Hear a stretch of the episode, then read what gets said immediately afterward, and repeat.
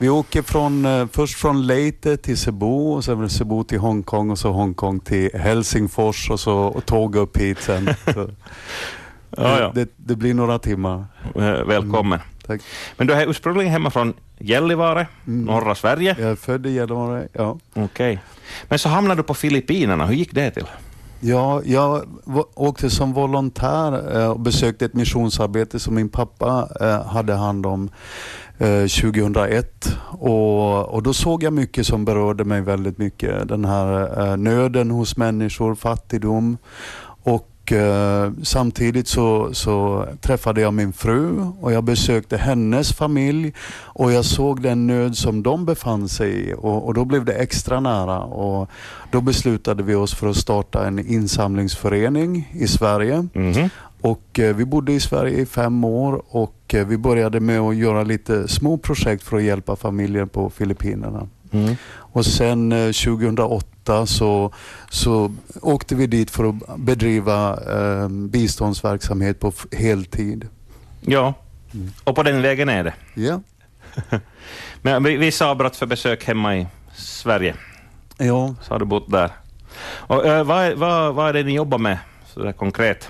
Vi, vi har ett eh, multiprojekt som är designat för att, att hjälpa människor, fattiga människor på Filippinerna. Och, eh, den består då i, dels har vi en modellskola.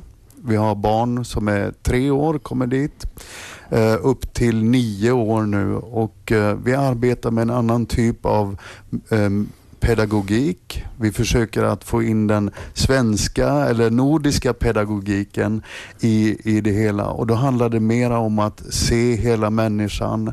Inte bara om att lära sig läsa och skriva, men att vara en god medmänniska och värderingar och så här också. Det är medborgarfostran. Medborgarfostran, precis. ja, ja. Och ni är, ni är, båda utbildade lärare, ska vi, vi säga. Vi är båda utbildade lärare, ja. ja.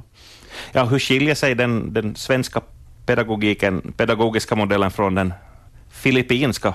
Ja. Vil, vilken, vilken tradition är det som, som man har där på Filippinerna? Liksom? Jag, jag tror att den är hämtad mycket från den amerikanska modellen och, och man, man inriktar sig mycket på det här med eh, att lära sig det akademiska och så. Man börjar väldigt tidigt. Redan hos treåringarna så börjar man att lära sig bokstäver och alfabetet och till och med med betyg kan man få som treåringar. Så, och det, det, det, vänder vi oss mot lite och vi vill liksom, vi kan ju inte helt ändra systemet för vi måste an, arbeta inom ramarna men vi vill ändå lägga till någonting extra. Vi vill ha ett, ett added value så att säga och det är den nordiska mm. pedagogiken där. Är det sån här hård karriärinriktning där att man ska Ja, det är, det är väldigt hårt. Så man har hört att många, mm.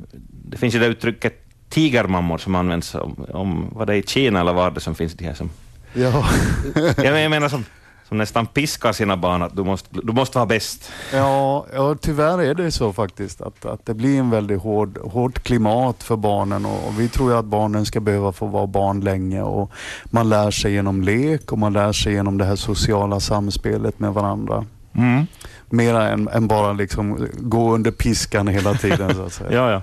Nå, det här, hur, hur tas det här emot då? Hur ser liksom det här filippinska samhället, det, det, skolsystemet där, hur reagerar de på att ni kommer med era tankar och idéer? Ja, det är faktiskt väldigt positivt och vi har en bra eh, relation med eh, den lokala kommunala skolan och de har en eh, district supervisor, jag vet inte vad det kan vara på svenska, ja, men deras, inspektor, övervakare. deras övervakare kan vi säga eh, besöker vår skola ofta och säger att det, här är en bra modellskola och vi har eh, bjuder in deras lärare från kommunala skolan till vår skola för träningar och vi har rektorer och lärare från Sverige som kommer och föreläser i, i vår modell så att säga. Ja. Och samtidigt så kan, ju, kan de få se resultatet också. Att eh, vi, vi, har bra inlärningsresultat trots att vi inte fokuserar så mycket på den här eh, akademiska inriktningen. Ja. Mm. Uh, hur, på vilket sätt får ni uh, elever? Vi har betalande elever som, som kommer och det är faktiskt eh, många rika familjer som skriver in sina barn på skolan. Och de betalar avgift till skolan så, mm. att, så att den eh, är självgående. Men också så har vi en stor del av barnen är fadderbarn från Sverige. Och de, de får sin skolavgift, skolväskor och allting betalt av uh, svenska faddrar. Okej. Okay. Ni har också samarbete med uh, Österbottniska församlingar det är därför ni är här också. Ni har ja. rest runt och berättat om, om verksamheten och resultaten. Finns det faddrar här också? Ja, det finns mm. det. Vi, vi, har ju um, många församlingar som understödjer arbetet också. Och det här är ju ett projekt under den finska staten och alla projekt som vi gör genom FSPM som är Finlands svenska pingsmission och FS som är frikyrklig samverkan de måste samla in en egenavgift på 20 procent för varje projekt som vi genomför för finska staten. Och de här församlingarna de står för insamlingen av den här egenavgiften. Ja, mm. och så kommer finska staten emot då. Och så kommer finska staten Men också. hur är det med, mm. vi har inte så bra ekonomiskt här i Finland heller ska du veta, så det har ni väl känt av också? Ja, vi har fått se. Vårt projekt krympte med 40 procent förra året och, så att, och, och det, det, var väldigt stramt men vi var, det kom i en, i en sån tid att vi hade haft projektet så länge så att mycket av det vi har byggt upp var självgående. Och det är ändå målet med all verksamhet som vi gör bedriver för finska staten är att eh, det ska vara ekonomiskt hållbart i längden och på sikt så ska allting kunna eh, upprätthållas lokalt genom skolavgifter till exempel och eh, på andra sätt. Mm. Hör du här på, min, på mitt lilla frågepapper så, så har jag också noterat här att ni, ni driver en ekologisk farm, så det är inte bara Nej utbildning utan också mm. odling ni sysslar med. ja, och på den här farmen så har vi en eh, i år, förra året, 2016, så hade vi 250 bönder och familjer som kom och fick träning i ekologisk odling.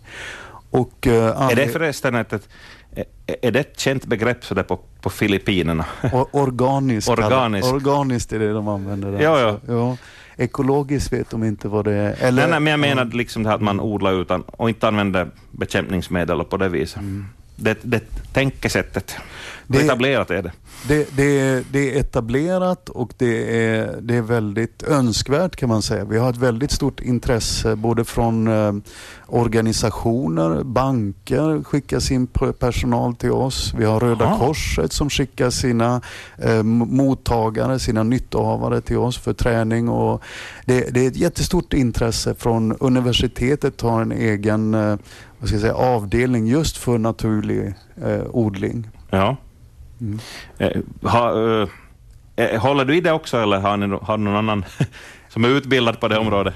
Jag, jag är Eller väldigt, är du multikonstnär? jag är lite multikonstnär får jag säga. Jag, ja. jag, har en liten, jag bedriver en liten farm ute på vår gård och utanför för oss så har jag lite, jag har grisar, jag har höns, jag har eh, grönsaker och frukt och ja. all, allt möjligt. Och, jag tycker om att, att, bedriva små test så här och jag, jag tänker så här, om, om jag som svensk lärare kan förstå de här teknikerna och jag kan få dem till att fungera, då kanske vi kan få också de, de enkla bönderna att förstå de här teknikerna också. Jag kan visa och eh, för dem också på min bakgård där, hur, hur det fungerar.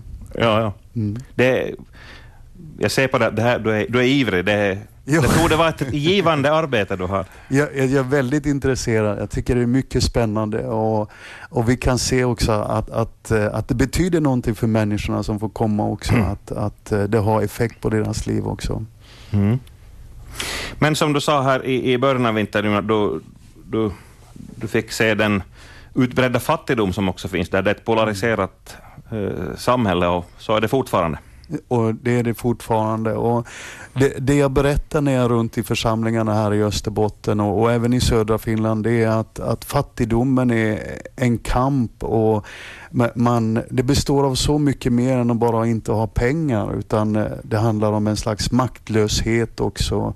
Korruptionen är väldigt utbredd i, i Filippinerna och eh, vi har ledare som är inblandade i att plundra statskassan. Vi har två presidenter som sitter i fängelse för plundrandet av statskassan.